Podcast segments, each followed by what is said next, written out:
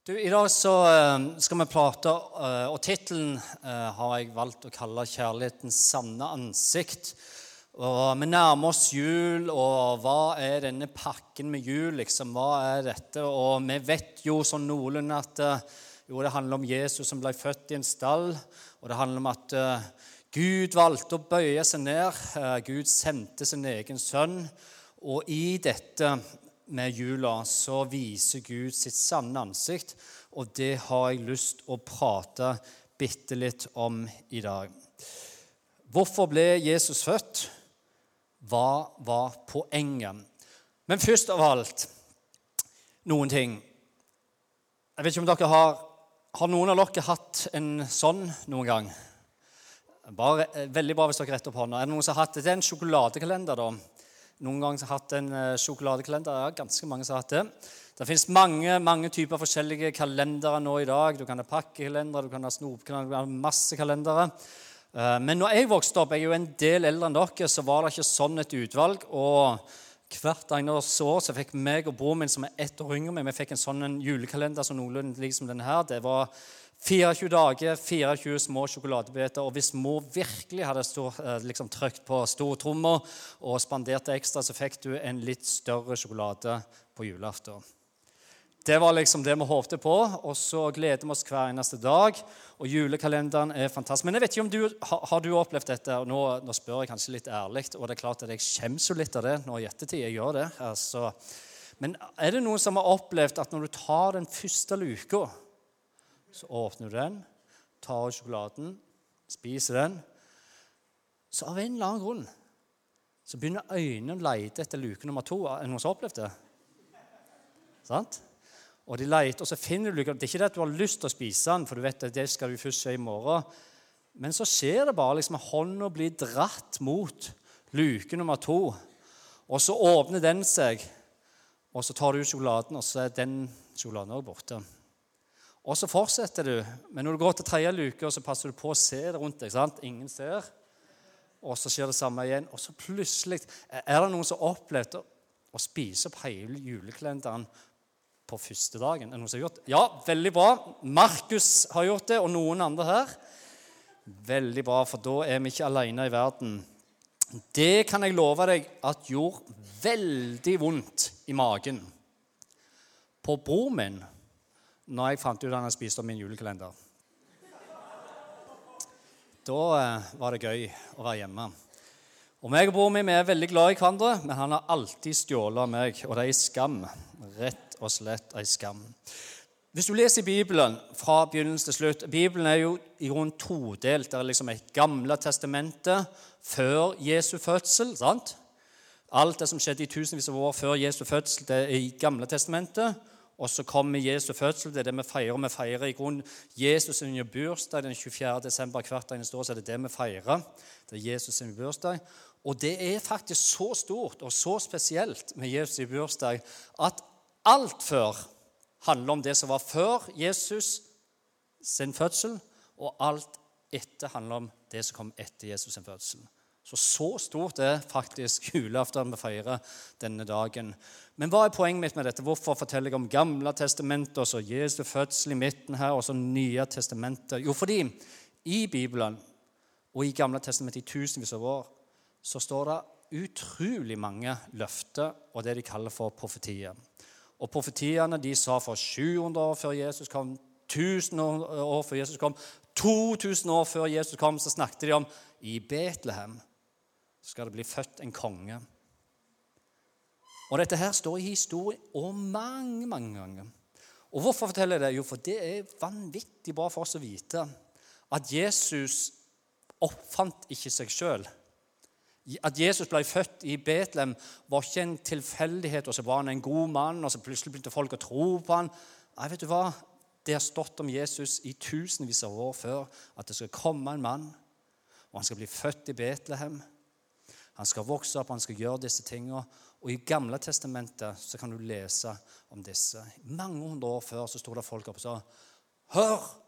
Det kommer ei tid da det skal komme en, og han skal bli født i Betlehem.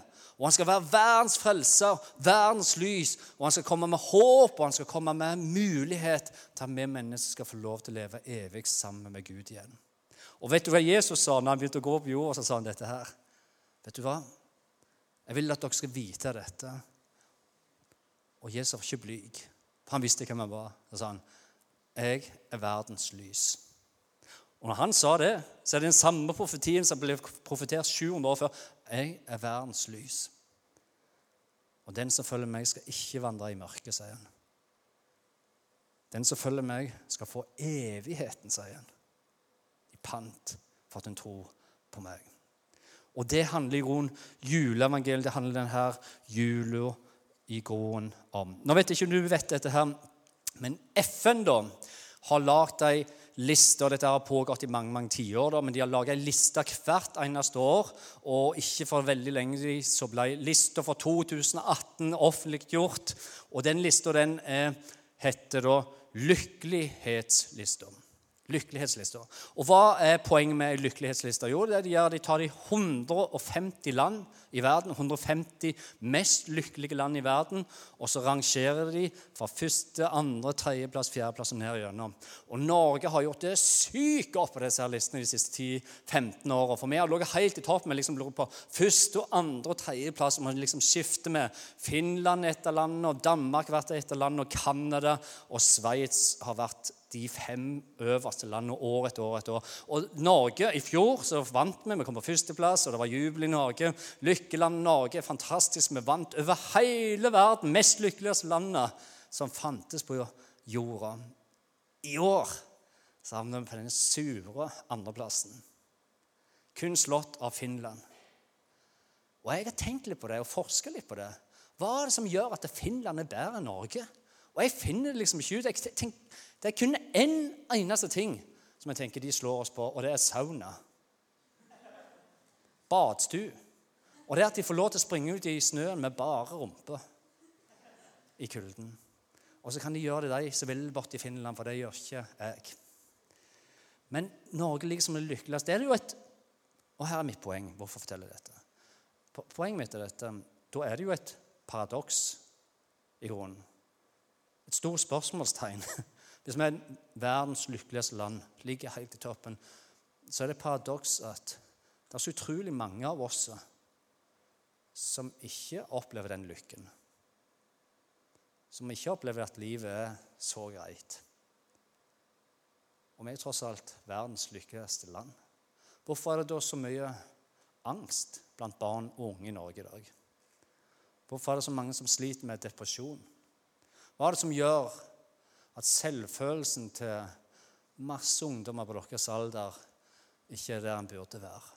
Eller hva er det som gjør at vi har så mye utfordring med spiseforstyrrelse? Hva er det som gjør at folk går rundt og tenker sånn lave tanker, negative tanker om seg sjøl, i verdens lykkeligste land? Og Jeg tror noe av det handler om dette ordet her og det handler om et ord som heter skam. Og skam er ikke et nytt ord, det er faktisk eldgammelt. Det er så gammelt som det går an å bli. Faktisk, det er en av de første tingene mennesket opplevde med Adam og Eva. Det står at Gud skapte Adam og Eva. Han satte dem ned på jorda. Det står at Gud hver eneste dag så kom han ned. Dette står i Bibelen. Og Han kom gående ned, og han var sammen med Adam og Eva. Og så står det jo om dette her, og du har kanskje hørt om dette, at Adam, det var en ting de ikke skulle gjøre. De skulle ikke ta frukten av det treet. Det var, poenget var ikke at de smakte på det eplet, eller hva det enn var, men poenget var at da var de ulydige mot Gud. Og det de ønsket, var det for slangen, da, som var Satan, som er djevelen, frista de med det og sa hvis dere spiser dette, hvis dere er ulydige dere kommer, dere kommer, det kommer ikke til å gå så galt med dere. Dere kommer til å bare få vite hva som er vondt, og hva som er godt. Og, og så trodde de på han. De ble frista, og så spiste de dette her. Eva først, og så Adam, og så står det der Plutselig så så de at de var nakne, for de er jo gått nakne. og de har ikke skjemt seg hverandre. Plutselig kom skammen over. De begynte å dekke seg og begynte å gjemme seg for hverandre. Og når Gud kom ned i hagen, står det dagen etterpå, så står det de sprang og gjemte seg bak trærne for Gud. Og Gud kommer ned og han spør, 'Adam, hvor er du henne?' Og Gud spør ikke det spørsmålet fordi han ikke vet at Adam gjemmer seg bak trærne. Liksom der. For Gud vet veldig godt at Adam står og gjemmer seg bak trærne. Men Gud spør Adam, Adam, hvor er du i din relasjon med meg nå? Hva er det dere har gjort? Og skamma ligger som et tjukt teppe rundt Adam. Og det er mest sånn Du kan lese i teksten, og det står ikke dette her, men det er mest sånn du føler når du leser den. Han kryper fram med Adam. Kryper mot Gud, så sier han. Eva frista meg, og han skyldte på Eva. Og det er typisk han. Typisk han. Er at en for å dekke seg sjøl så skylder en på andre og sier han, deres feil. De er sånn, og, og de er sånn. og osv. Så, så skam er veldig gammelt. Det begynte med Adam og Eva. Det faktisk den første greia de fikk etter syndefallet. Og det har fulgt i tusenvis av år masse masse mennesker opp gjennom generasjon etter generasjon. Og så er vi her i dag, i lykkelandet Norge. Og så sitter vi òg og kjenner på skam. Gud, kan du elske meg, som har gjort dette? Jeg er ikke verdig.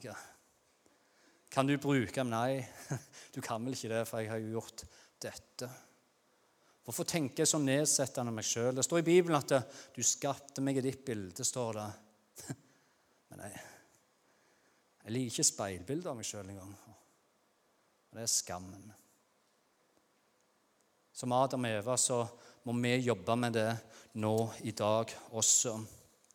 Og Det står dette om, om, denne mannen, om Josef, da, inn i juleevangeliet. Josef det var han som ble liksom, han, eh, som ble pappaen til Jesus. Han sa Gud er far, men han var den som vokste opp, som Jesus fikk lov til å vokse opp som pappa. Og Det står om Josef han var trolova med Maria, som ble mor til Jesus. Og Det står om Josef dette, at når han fikk vite at Maria var gravid, så visste jo han oi, oi, det er ikke meg som er pappaen her. For vi har ikke hatt sex sammen. Vi har ikke gjort greier. Vi er ikke gift ennå. De var bare forlova. De skulle vente til de gifta seg. Så han visste jo her er det et eller annet som ikke stemmer. Så når han hørte det, så står det at han gikk og ville skille seg fra Maria i stillhet. Fordi det var en sånn stor skam. Skammen var så stor. Og Så står det videre om Josef inn mot uh, veien til Betlehem. og Før dette så står det at en engel kommer og besøker eh, Josef, og så sier engelen til Josef Sånn er det. Maria har blitt gravid fordi at dette Guds sønn. Og det er Gud som har gjort dette. Dette er overnaturlig Josef. Og når Josef fikk høre det, så liksom reiser han seg opp fra den drømmen. Og han, springer tilbake til Maria, og han omfavner Maria igjen. Og så sier han, 'Jeg skal stå på sida av deg, Maria, i denne skammen. Og så kan vi tenke ja, men skam det. Det var ikke skam. Det er jo snakk om Jesus. ærlig talt. Det er jo Guds sønn. dette her. Vi kan jo ikke tenke at det er skamfullt. Men eh, jo, det går det an å tenke. fordi det som Maria og Josef visste, det visste jo ikke folket rundt. De visste ikke de rundt som snakket og baksnakket. og å få en skam å bli gravid liksom, før du er gift. Og, én ting er nå i dag, men, men på den tida Det var skamfullt. Og så bærer Marie dette barna med seg, og Josef står på sida, og han bærer dem sammen med Maria. Og de bærer denne skammen. Og så tenker jeg, jeg Vet du hva jeg tenker? Jeg tenker sånn Jeg er kjempeglad Kjempeglad for at jeg ikke leser i Bibelen at jeg hadde Facebook på den tida. Eller andre typer medier. Og hvorfor er jeg glad for det? Jo, fordi jeg tenker, hvordan hadde de kommentarfeltene sett ut? På den tida Det hadde ikke sett godt ut. Og, og, sånn er det med oss i dag òg. Hvordan er det i grunnen vi oppfører oss i media? Hvordan er vi skriver om hverandre? Hvordan vi henvender oss for jeg tenker, vet du, jeg tenker, Når jeg leser en del av disse kommentarfeltene som står rundt omkring, så tenker jeg sånn Å, kjære min tid, her er det mye skam bak. Her er det mye smerte. Når du kan skrive sånn om et annet menneske, når du kan oppføre deg sånn mot et annet menneske, tenker jeg her er det mye iboende skam. som ikke skulle vært der, men som en har valgt å ta på seg og gå og bære med seg. Og Så får han uttrykk akkurat som Adam, og så begynte å skylde på Eva. Og så begynner vi å peke på andre mennesker. Herse med andre mennesker. Og det er skammen. Det var en serie som gikk på TV, og jeg vet ikke, Går Skam ennå på TV, eller er det slutt? Det er slutt, sant? Da er det sikkert bare prisene som går. Men når NRK i 2015 lanserte denne serien Skam, så slo han inn i Uh, ungdomsgenerasjonen i Norge med et kjempeslag. Det var masse følgere som fulgte den serien. Og, Grunnen til de gjorde det, var fordi at um, temaene de tok opp, de var aktuelle, de var livsnære, og de Ja, det var ting som jeg gikk og tenkte på.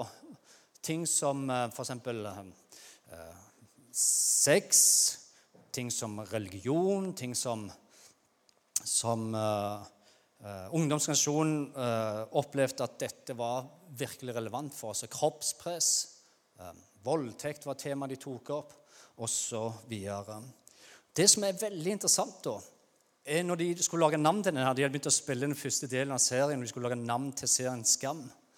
Så tok de som lagde filmen, og liksom, snakket med skuespillere og de involverte i serien. Og så skulle de lande et navn i sammen. liksom. Dette er det som det skal handle om og dette er greia. Og Da var det liksom dette de landet ned til skuespillerne, for de spiller jo sine liv. da, sant? Og så prøvde de å finne kjernen i alt.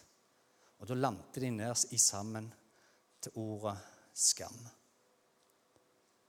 Det er kjernen i det livet vi presenterer. Derfor skal serien hete Skam eldgammelt fenomen. Vi har det med oss ennå. Josef kjente det inn i tida inn mot eh, Betlehem.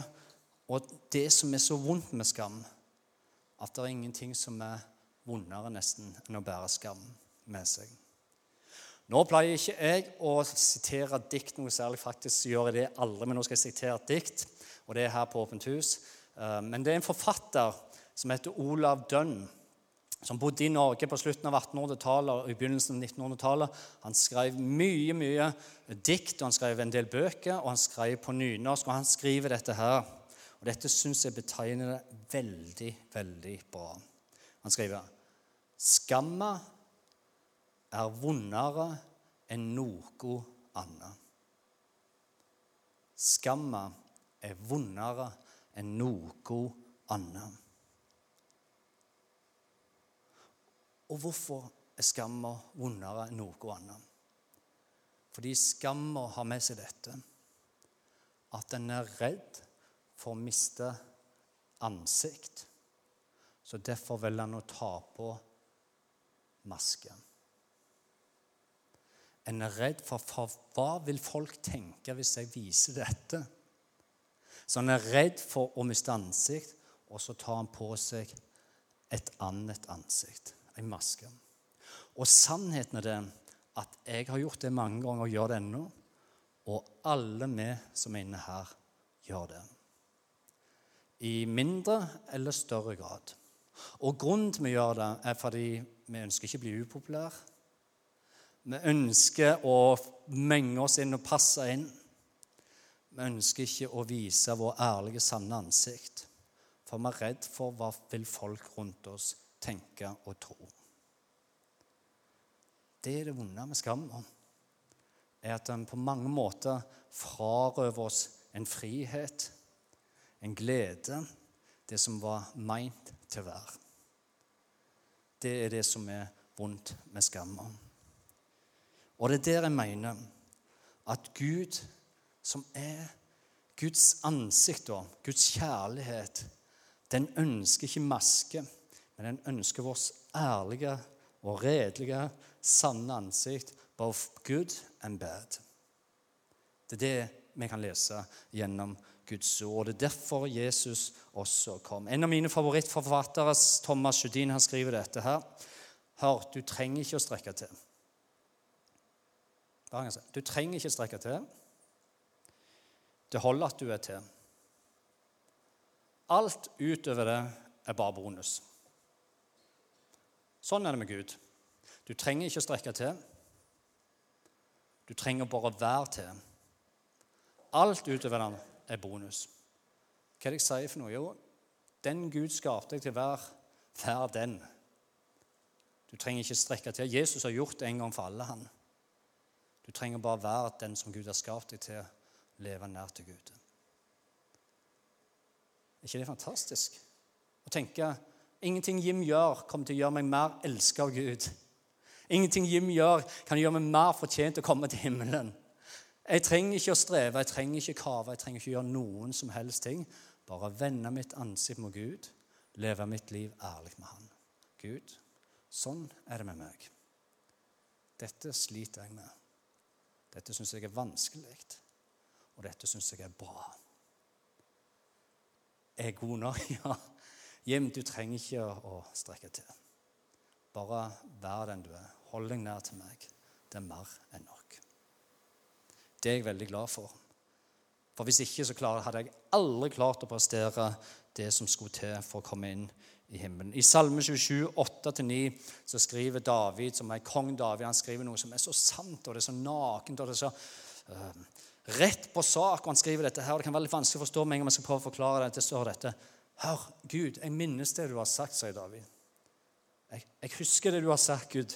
For du har sagt dere skal søke mitt ansikt, Gud. Ditt ansikt søker jeg derfor, sier David. Herre, skjul ikke ditt ansikt for meg. Og hva betyr dette? Jo, det betyr Gud søker ikke dine hender, han søker ikke dine prestasjoner, han søker ikke dine meritter i det hele tatt. Den eneste Gud søker, det er deg. Som ikke strekker til, men som bare er noe sammen med Gud. Det Gud ønsker, er ditt ansikt et ansikt uten maske. Et ærlig ansikt. Og hvorfor gjør han det? Jo, for din egen verdis skyld. For din egen verdis skyld. Det er også det som gjør at Gud faktisk velger en liten stall i Betlehem og ikke et slott på en haug. Det er også derfor Gud velger ei ung tenåringsjente som Maria, og ikke ei prinsesse eller ei dronning. Det er også derfor han velger Moses, som må kjenne på skammen. Derfor han velger en enkel, liten by som Betlehem, og ikke en stor by. Hvorfor? Fordi Gud ønsker å møte oss midt i livet, ansikt til ansikt, på en ekte og reell måte, som et fattig barn som vokste opp i en fattig familie slik at det ikke bare var for konger, ikke bare var for de rike, ikke bare var de som presterte. Nei, for alle mennesker. Alle mennesker. Om det er én ting jeg har lært meg Jeg er litt eldre enn dere. Jeg fylte faktisk året i går. Veldig bra. Tusen takk. Da ble jeg så gammel at det er helt fantastisk så gammel. Men hvis det er én ting jeg har lært meg Jeg har lært meg noen ting i livet, da, men hvis det er en ting jeg vil lære videre til dere, hvis dere ønsker å lære noe viktig, så er det dette. Jeg har lært meg dette.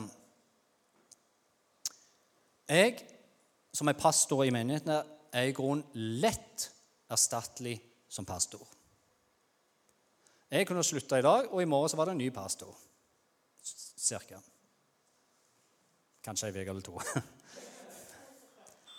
Men poenget mitt er dette. Jeg er veldig lett erstattelig her. Og det er bra at det er sånn, for det er sånn det er. Og det er helt greit. Men en ting som er helt sikkert, at jeg er helt uerstattelig for Gud som Jim. Jeg er helt uerstattelig i hans hjerte.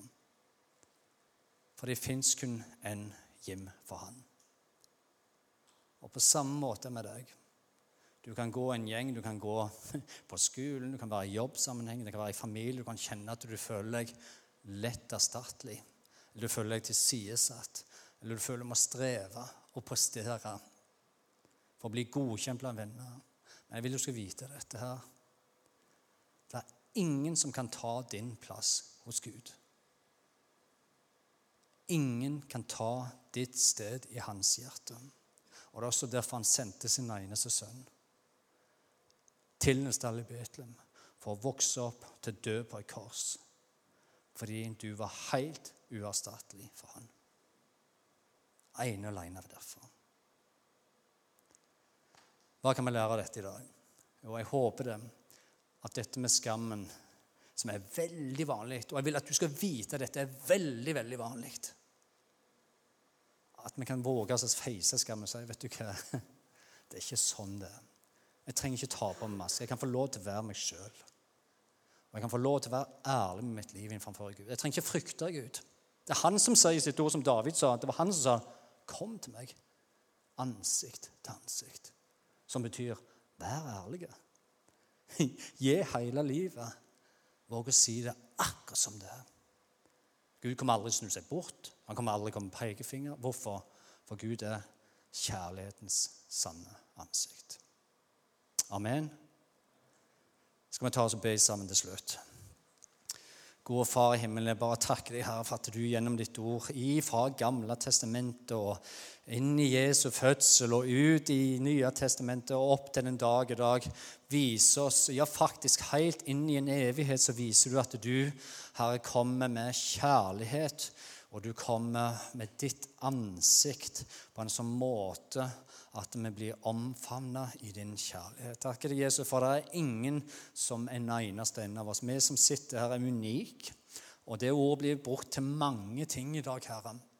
Og det var unikt, og det var så fantastisk, og det var så bra, sier vi til mange ting. Og det er for så vidt greit her. Men når det kommer til dette, så er det en sannhet uten sammenligning. Du, Herre, valgte sjøl å bøye deg ned midt inni skammen til Josef og Maria, og så valgte du å leve i en fattig familie. Det var ikke plass for deg på noe hotell eller noe herberg. Mennesket hadde ikke plass til deg, til Guds sønn. Og i den dag i dag så er det sånn at mennesket har ikke plass til deg. Herre. Og så elsker du oss for det. For det står ditt ord her at det, det står jo 'for så høyt elsker du verden'. Hva det står i verden, og hvem er verden? Det er alle mennesker. Og det er ikke bare de prektige eller de som går i kirke, eller vi som er her inne, men du elsker alle mennesker like høyt, Herre. For det er dine barn. Og så står det videre 'du elsker hele verden'.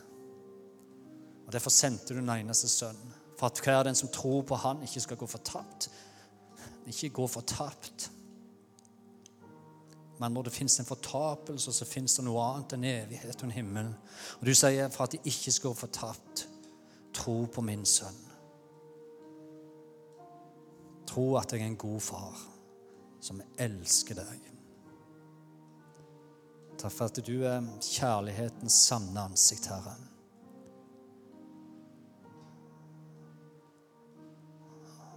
Og ingen kan erstatte vår plass i ditt hjerte.